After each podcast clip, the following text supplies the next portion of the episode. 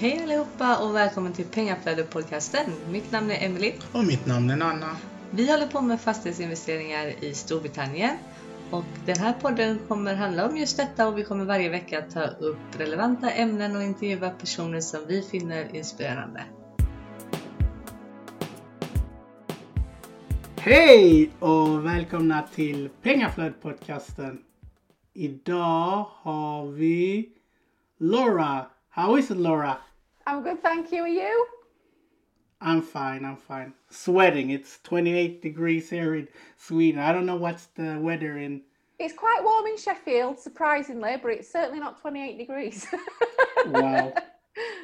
We're lucky Swedes today. Definitely it. it's normally raining here. Yeah. So today I thought I should interview you because you're a very inspiring female, and I saw you in um, when I was in the UK uh, October last year at the Canary Wharf PPN. Yes. We sat in the same table and you explained about social media and the day and time that we're living out in social media is very like uh must Yeah, definitely. as a property investor. 100%. Completely with you on that. and who else wouldn't be better to ask than you then? oh, thank you. Very kind of you. so tell us about your background. So my background. So um, I started investing in property full time in September 2018. But before that, I had nothing to do with property. I was um, an equine nutritionist. For people that don't know what that is, that's basically advising people what to feed their horse. I'd done that for 10, 15 years, um, incorporating sales and marketing into that role. Um, and then kind of took the plunge to join my husband who was already full time in our property business in 2018. So he's the one with the experience, the background. He's the one who bought and built our first properties. Um, and I kind of joined him to do the kind of the marketing because he doesn't like doing that type of thing, to work and find investors and to develop them relationships with estate agents and do a lot of the direct to vendor marketing that we do in our business. Um, so that's kind of where it happened. The reason why it happened um, for us, unfortunately, is because something changed dramatically in my life. I lost my mum and quite a few other members of my family within a couple of months of each other. And working for big corporate companies, I'm sure a lot of people can relate. You know, you spend so much time working so hard for other people, but you don't spend the time with the people that you, you know, that you love and care for. And going forward, we wanted to change our life so we would never have to do that again. And for us, the only way was doing property. That's so inspiring, very inspiring. Because uh, my dad and brothers has well passed away, and I feel exactly the same. That life is too uh, short to Yeah. just. I'm sorry to hear there. that. Uh, likewise, likewise. But it puts you on a different path. Um, Yeah, it does. It does. It definitely does. It doesn't. It, it open your eyes more. definitely, a hundred percent, and it makes you appreciate what it makes you appreciate your life and the type of life you want. And I think sometimes, unless you've gone through, unfortunately, gone through these stages, or you know, you'll never kind of transition from what you're doing to putting yourself out there and creating a better life for you and your family. So it has, you know, I, you know, wish all my family were here, but if they were, we wouldn't be doing what we're doing now. So, you know, I believe everything does genuinely happen for a reason. Um, I, I, I do believe that. Yeah, you have a great mindset that you don't dwell on the past and try to see positive from it and try to. Well, you've got to, haven't you? You know, you- you've got to. You're forced to. you, yeah, hundred percent, and you'll completely get where I'm coming from on that. So, so yes, Yeah, that's yeah. my start into prop- property and my background of how we made the transition. Yeah. So going into, you said different. Uh, you you're the people person and marketing and strategy, etc. Yeah. Which one do you see gain the most success? Is it direct to vendor or is it Facebook ads or? Um, in regards to property, for me, it's always been to find property. Um, you know, Facebook ads is something that I've recently started doing over the last probably two months. Um, we've always had a massive succession rate with agents and with use, utilising the HMO register. Now, even if you're looking for just buy to lets, for example, we've always got a lot of leads from the HMO register because what you find is these landlords don't just have HMOs, they have big commercial buildings, they have buy to let portfolios, but that's just the initial point of contact. So the HMO register for us has been very lucrative. We used to, well, I've stopped mailing out to it now actually because we've got other, you know, we want to concentrate on new builds, which I'm sure we'll come on to. Um, we but we were spending 344 pounds every three months um, and fingers crossed you are the first person i want to tell. Um, as of yesterday we've just agreed a figure on an 18 bed unit for 848,000 pounds. So wow. um, and that lead came from the HMO register, and we've been nurturing that relationship now for the past 14 months.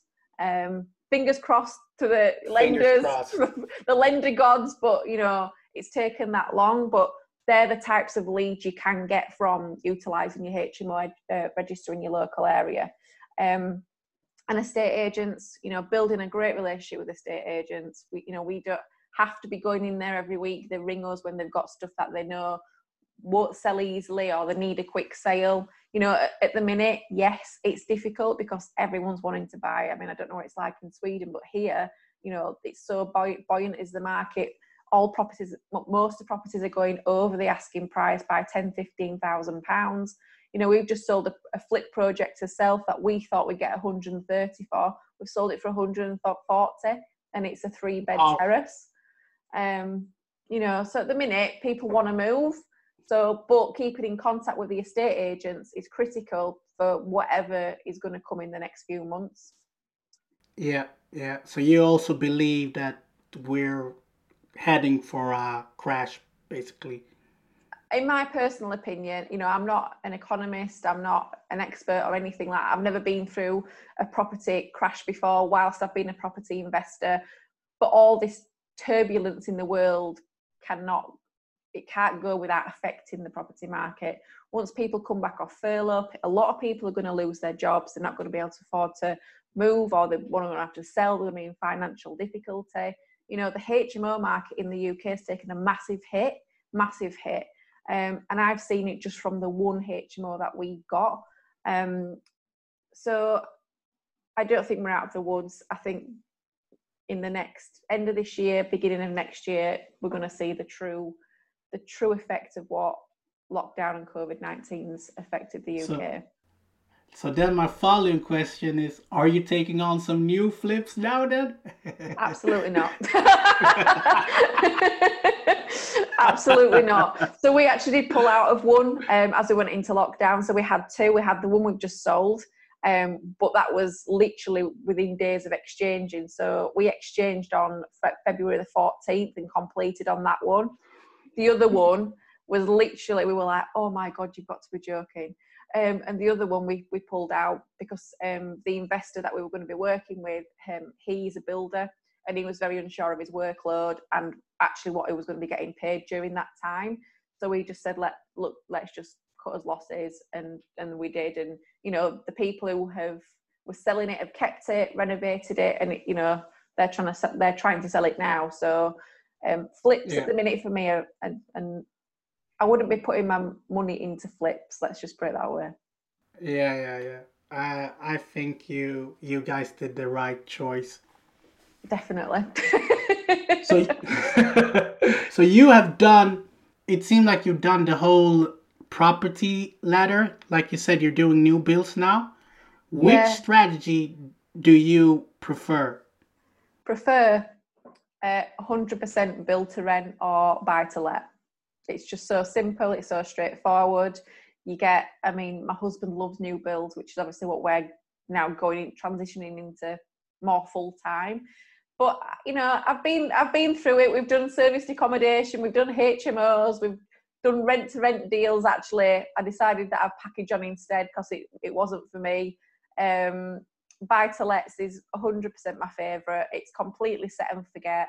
You know, during this time that we, you know, we've just been through, touch wood, we've not had any issues with any of our buy to let tenants. The only issues we've had are with our HMO tenants. Um, and not issues as in not paying, just they want to move out because they don't want to be in shared accommodation. They want to move into flats. They want to move into buy to lets. Um, and I just feel like buy to let is an absolutely rock solid investment. Yes, it takes you longer, um, but you know we've not had tenants move out of some of our properties for six years now. Wow, yeah, that, that that's what I uh, thought. That's that's me and Emily's uh, point of view as well. That HMO, it's and especially now when you UK person from from a Swedish perspective, we're used to not sharing household, but like in UK you're used to it. But it seems like everyone wants to have a, their own space, their own kitchenette, their own uh, toilet and shower. So it seems like it's just going off the roof. So the competition is like very that that's just our personal take on it. I mean, my my personal take is you know HMOs are great, but you know for me personally, you know, we do self-manage our HMO. We and we've been really fortunate with the tenants that we've had for the first 12 months. So we so it's a year ago since we renovated this property and let it out. We've literally just had a turnaround of tenants bar one. Um, and so now we've got a new set of tenants in, which is fine. But you know, during during after lockdown has kind of lifted in the UK, trying to find tenants who want to share properties has been very difficult. Now, you know, I'm not bashing HMOs, I'm not bashing serviced accommodation. It just doesn't sit in line with my personal um, vision of my lifestyle of what I want. I don't want to be, um, you know, changing tenants every six months, doing higher maintenance, be getting cleaners in, etc. I don't want that. I want to put a tenant in. They're in there for 12 months plus um, with very little maintenance and very little issue. So that's just what we want to do in our business for our personal goals. You said new builds and buy to let, but overall, which one is the most difficult? Difficult. To be honest with you, I, my husband prefers doing new builds to renovating buy to lets. wow. um, the reason is because obviously you know you get an, you get an old house you have to you know completely strip it you, you, there's normally underlying issues trying to get things to fit and jig things around refit the kitchen etc whereas with a, with a you know a new build it's all brand new you're building it it's measured everything's ordered it goes straight in um, more or less. You do get issues obviously but you know even with the electrics like you know scrabbling around trying to rewire an old house you know you're full of dust and with it you know with a new build you pop the electrics in as you go and it's it's really straightforward. Um, and you know the build costs are a fraction of what they are real really to buy one. So yeah we we preferred building. Like i said we this is our second new build project. So um, our first one we've kept in our portfolio so we obviously do build to rent so there's two shops and two flats, all brand new. We've had very, very little maintenance issues, and they're six years old now. Um, now these ones, there's three three bed detached. The idea is to sell them, but actually, what we are thinking is we might keep them and refinance them because um, investors paid for the build. So we would refinance that and then give them back their money. Then we could hold on to them potentially, depending on the, the mm. climate. You know, we don't know what's going to happen. So, but we can yeah. do that because of the area that we've chose to build them in. Yeah. Speaking of investors, how do you get them? Social media queen. well, funny you say that. um, so, when we first started um, in September 18, we didn't have any investors and it wasn't until March that we actually we, re- we were really fortunate that we had a pot of money ourselves. So my husband had sold his um, renewable energy business, which was quite a large business in Sheffield. We we sold that, so we had quite a big lump sum to start off with. But what we realised pretty quickly is actually that you know waiting for refinance to come through, it actually completely restricts your speed that you can kind of buy at. So March 2019 was when we said, look, we need some investors. If we want to because we we started in September 18 with a basic income of 1500 pounds from our portfolio. And the, the idea was by September 19 we wanted to get to 5000 pounds. That would completely cover our base cost we you know we'd have a bit of extra money. We wouldn't have to be worrying about you know a new build project you know because with them they're feast or famine. And with us we needed a solid base that we can now go off and do new builds and it might take 12, 18, 24 months to get paid, but that's fine because we've got a residual income coming in. Um, I've completely lost the thought of train of thought there, by the way. what was the question? oh, social media. Sorry. I've got mum brain. I've had mum brain now for four years. Um, so that was kind of why we decided to put ourselves out on social media. Now, I started doing it, I wasn't really getting much traction, and it wasn't until um, I met a mentor who is now a good friend of mine, David Siegler. Um, he just said, Look, Laura, if you want to do this seriously, you've got to be putting yourself out there and every day, being consistent and being visible to people. So, March 18, at 19, it took me six weeks to raise £700,000. And that was from um, two investors wow. that I'd just been watching what I was doing. Um, one of the guys who'd been watching had seen me, you know, bits and bats from like December 2018. And then in April, he got in contact and said, Look, Laura, I've been watching you on social media. Because what we've always done is give social proof of what we're doing. So when we've bought a property, we've always taken people through that process.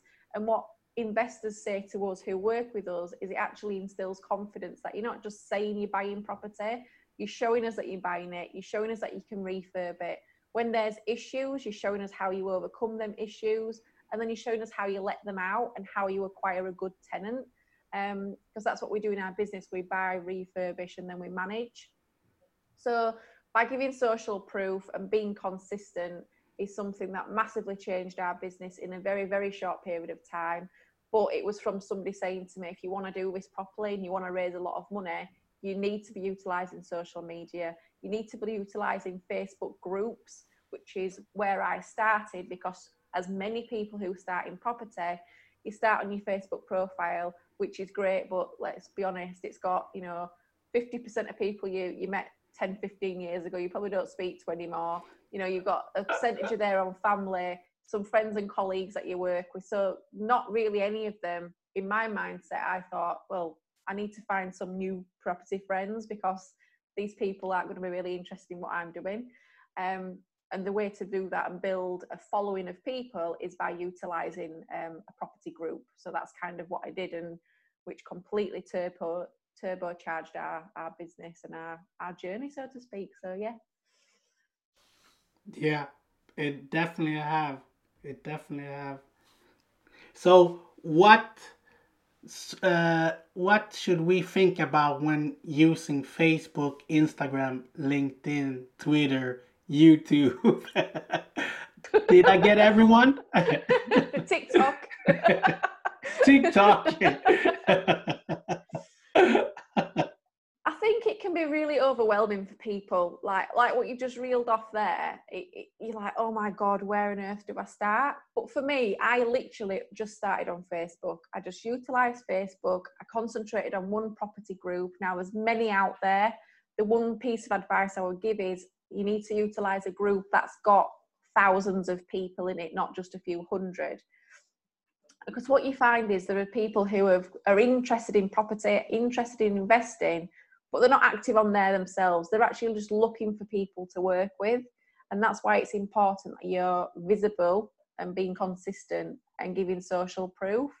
But I literally just started on Facebook. It's only recently I've started utilizing LinkedIn more. Um, and, you know, Instagram, I'm not as consistent on Instagram. My go to is Facebook.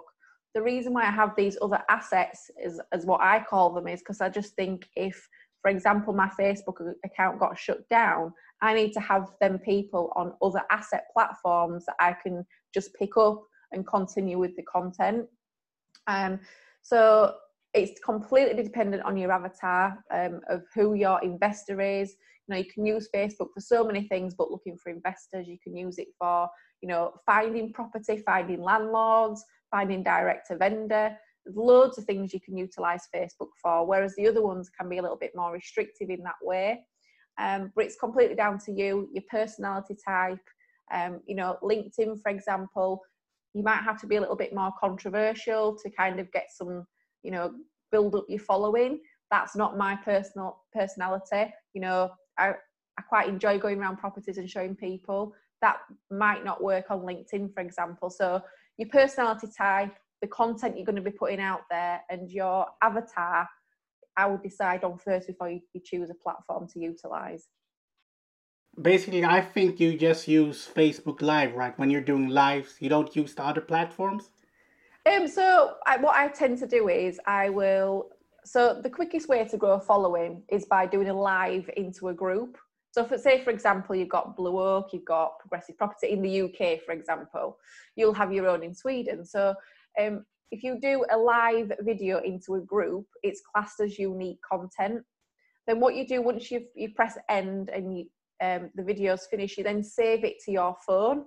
And the great thing with Facebook is in that saved video, you can repurpose onto your own personal platform or a, a um, company page. And again, it's still classed as unique content because it's the first time it's been uploaded onto your profile. So there you've got two organic reach um, videos that are going to go further than they would if it was a pre-recorded, for example.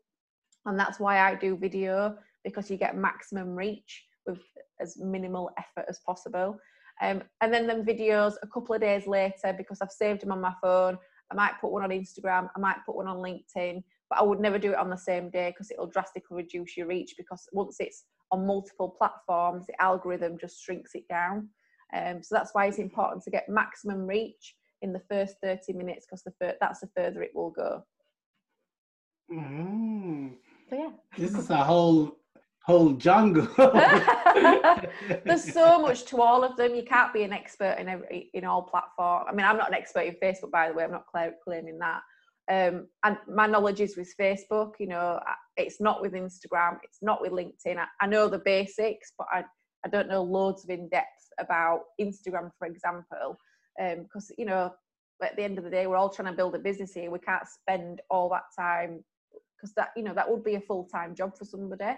Um, but get a good yeah. one pl- platform, utilize that to the best, and you know, then have the other other ones as assets and trickle feed information into them. Yeah.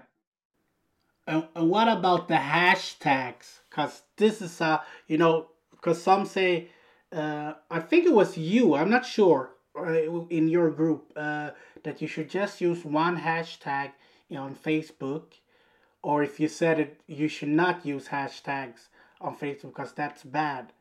I don't remember, but like it seems like it's you need to know. Very controversial. yeah. So I've always been taught, and all the information I've got is that you don't use Facebook doesn't recognize hashtags like Instagram. Now let's remember that you know the own the the owner the owner of the platforms owns Instagram. They also own Facebook. So why would they have them the same? So, you know, there's a thing called hashtagifyme.com. You can go on there, you can put in a hashtag and it'll tell you how it's going to rate. But, you know, Instagram 100% use hashtags, LinkedIn 100% use hashtags.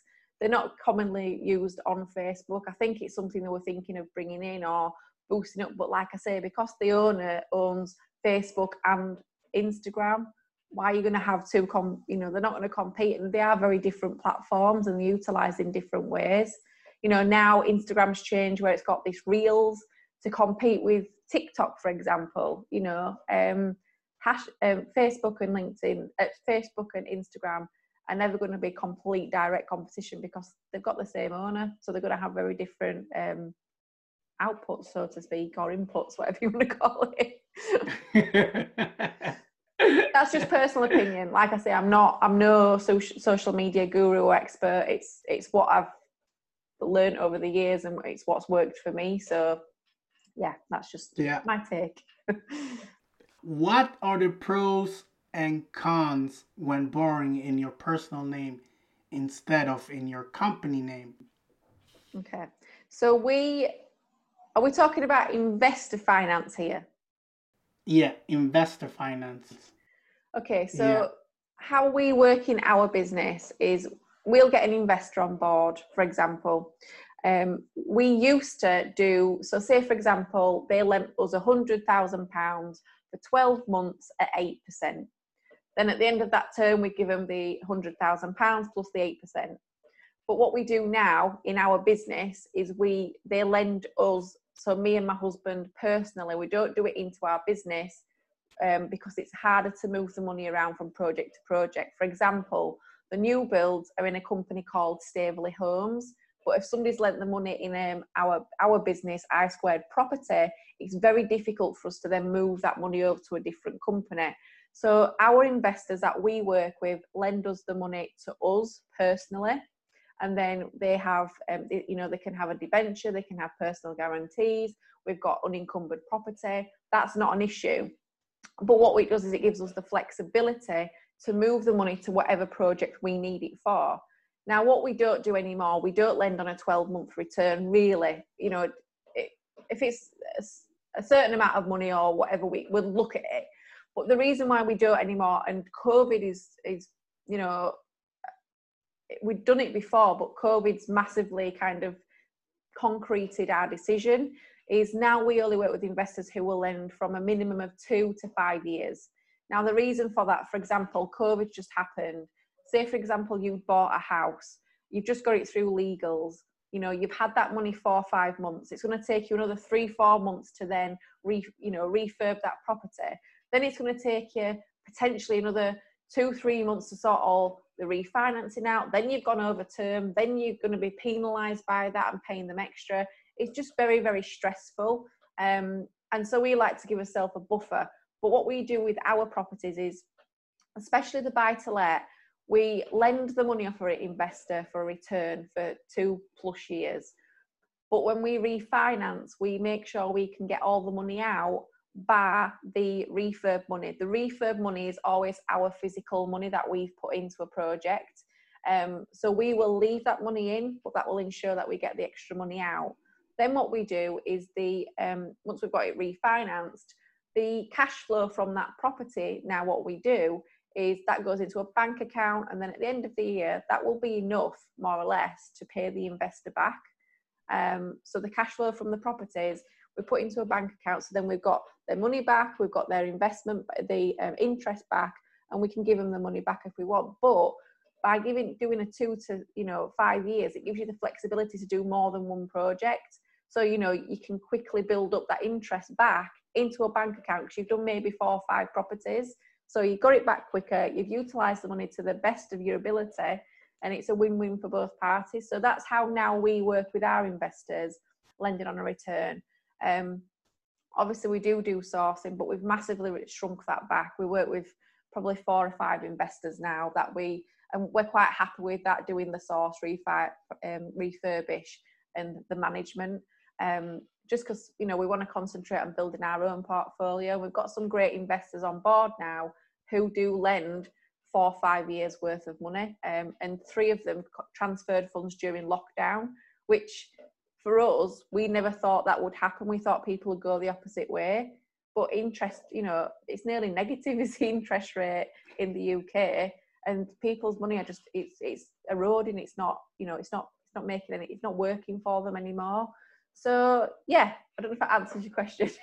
yeah, that was a great quest, a great answer, and great demonstration how you work. And what does the lender say when you refinance? Do they ask where the money comes from? Um, so as long as you can provide them with bank statements, so obviously we know we're we're regulated with anti-money laundering. We've got the um, property ombudsman that we're part of, and many other things that we're registered with.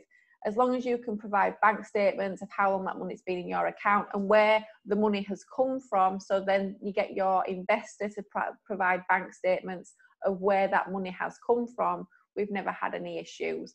But to be honest, it's it's normally the purchase that's pulled up at, if I'm honest, if any if, if it's ever mentioned. because obviously it's normally a solicitor that's dealing with that. So it might be a solicitor that might mention that and, and need to see where the money has come from. But on refinance, we've never really been asked it because the money's already in the project. So all we're doing is getting the value to come out. We're lending 75%, for example, and then we can pull the money out. They've got a, we've got the mortgage with them directly. Um, you know, we have to do personal guarantees because we do it through a company. Um, most of the time now, you know, we don't tend to get personal uh, mortgages anymore. Obviously, there's pros and cons to that. Depends where you are in, obviously, your tax bracket. Um, but for us, we have got we have got properties in our personal name. We've got six, um, but we won't get any more now because that would tip us over into the 40% tax bracket, which we don't want. so that's why we now use that's why we now use um, our company to do that. So all of our um, properties over the last 18 months are now through um, our company, and obviously with the section 24 coming in, I want to say um, now you can't if you'd had them in your personal name. So I don't know if you, you've come across this, but there's a lot of landlords, especially in the UK, who have got a lot of properties in their personal name. They now can't claim back the um, the VAT off their interest, so now they're paying these massive fees, and you know the properties just aren't making them any money anymore. Whereas in a company, you don't have that issue. But you know, there's just pros and cons to everything, and yeah. having a good property tax specialist is something I advise um, anyone to to have if you want to build a business from it and you're not just you know getting two or three just to for a retirement fund or something like that. If you want to build a serious property business i'd definitely get a tax specialist. Yeah. No it's just more that i was wondering because in sweden they will re- see it as you're lending you're putting in the like deposit or how do you say from a loan already and then you're taking another loan so the bank will see it as a risky loan I know what you mean. So we never buy with a mortgage. So we never use a deposit from a mortgage with investor funds. Um, the other way we would do that, and we have done it in the past, is we've got, um, you know, we do have family members that invest with us. They might gift the deposit. You can do it that way. They are quite funny if you um, are using investors' money to buy a mortgage, but if you're an investment company and you're doing it through your, your company and you've got proof that where their funds have come from, that they're lending you the money for, for example, three years in your business. Um, there are lenders out there that will do that. Um, you know, a lot of people do it now. It's quite common in the UK to do that. But if they're if you're buying it in a company, I don't think you have that issue. If you're buying it in your personal name, that's where the problem is in the UK. Okay. So, what tips should we who invest from abroad think about when investing in UK? Okay, so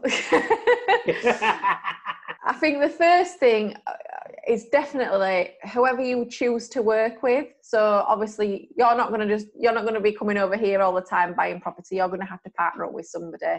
A hundred percent do your due diligence. Do not just take this person's word for it that they're investing in this certain area, the properties that they're sending you are from a great buy to let investment area, for example.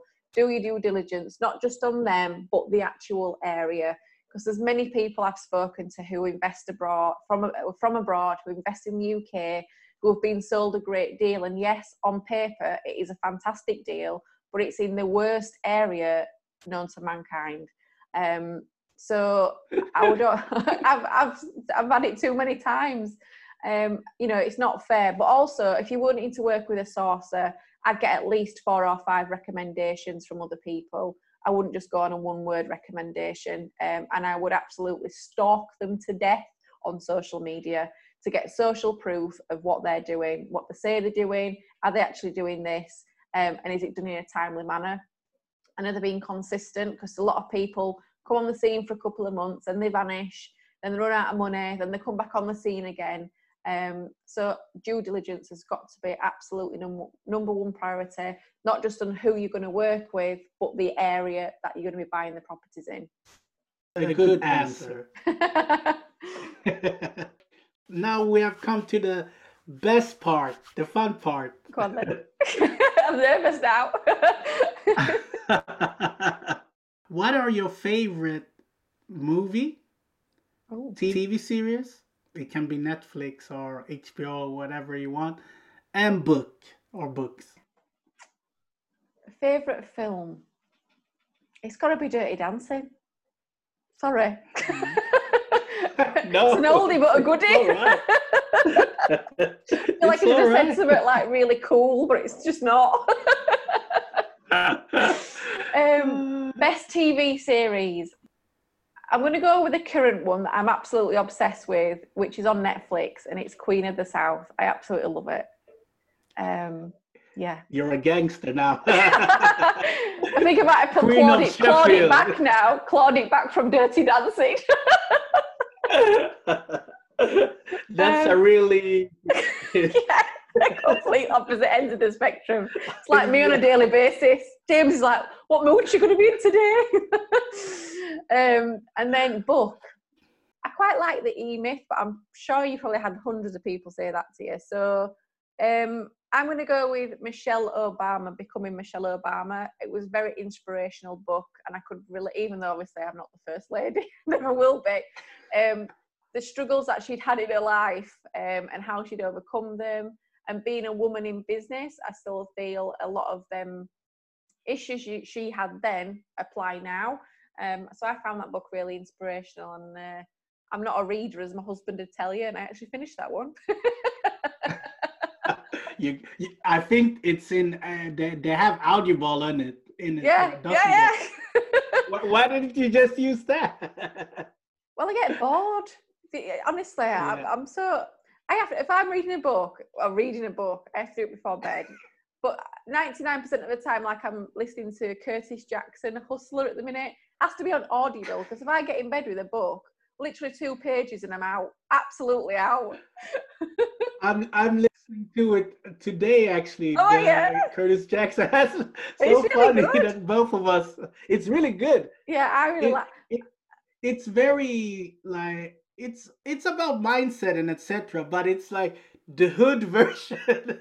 No, but do you not think there's so many things that are so relatable? And I, I didn't, I didn't think I'd like it if I'm, I'm being perfectly honest. Um, But yeah. there's a lot of things like that he brings from the hood into the corporate world, Yes. and actually they're, they're very similar. They are really scarily similar. Um, Yeah. Yeah.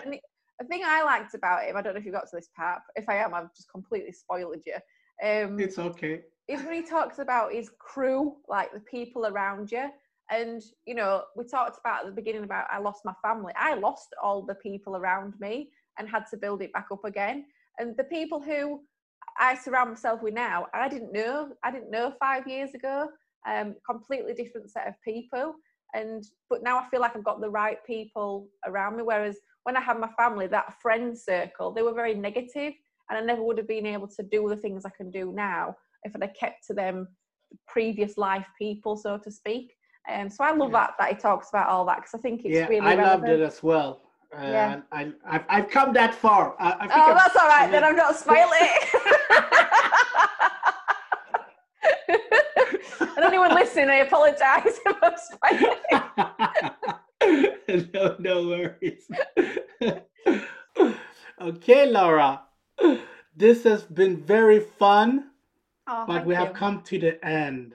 Oh, no. we need to do a follow up podcast because social media is changing all the time. Plus, we need to know know about your journey because you're evolving. Uh, another, this is a bonus. Are you considering doing commercial to Resi or is Um, just new builds? Yeah, so we are looking at commercial to residential. Um, that's more my husband's department. But yeah, I think I think especially end of this year, beginning of next year, there's going to be massive opportunities for commercial to residential, and especially now they've changed the planning um, Yeah. laws in the UK. So um, I think that's a massive opportunity, and especially because a lot of people are nervous by it as well.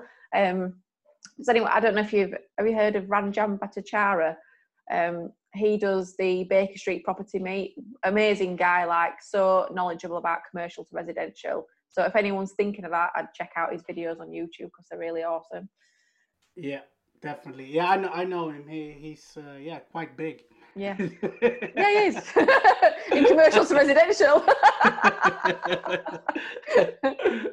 So if someone wants to contact you, listen to your podcast because you have a podcast, even if you you have so much to do, so you release it sometime. You're you're a bit like Mark Homer. You like you release one and then you wait like two months and then Yeah, you release right. three. Last me. But it's good. Inconsistent on there. in, lock, in lockdown, I was consistent. Not so much these days. Um, I try and I try and do one a month. Um, I just I just do one a month if I'm honest with you. If you get any more, it's a bonus for you. yeah, but But, but um, it's I like it.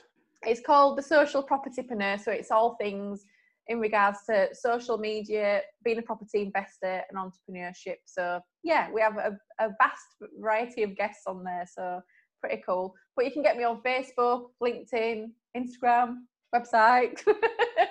yeah, and it's just Laura Muse official on Instagram um, and LinkedIn. But but I think you will get her. She will uh, answer your question most if you use Facebook. Definitely Facebook. because she's the Facebook queen. oh, thanks. I'm definitely on Facebook.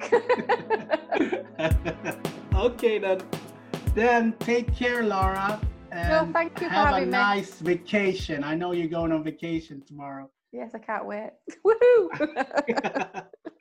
Thank you, Nana. don't don't be stressed. Invest, people. Bye.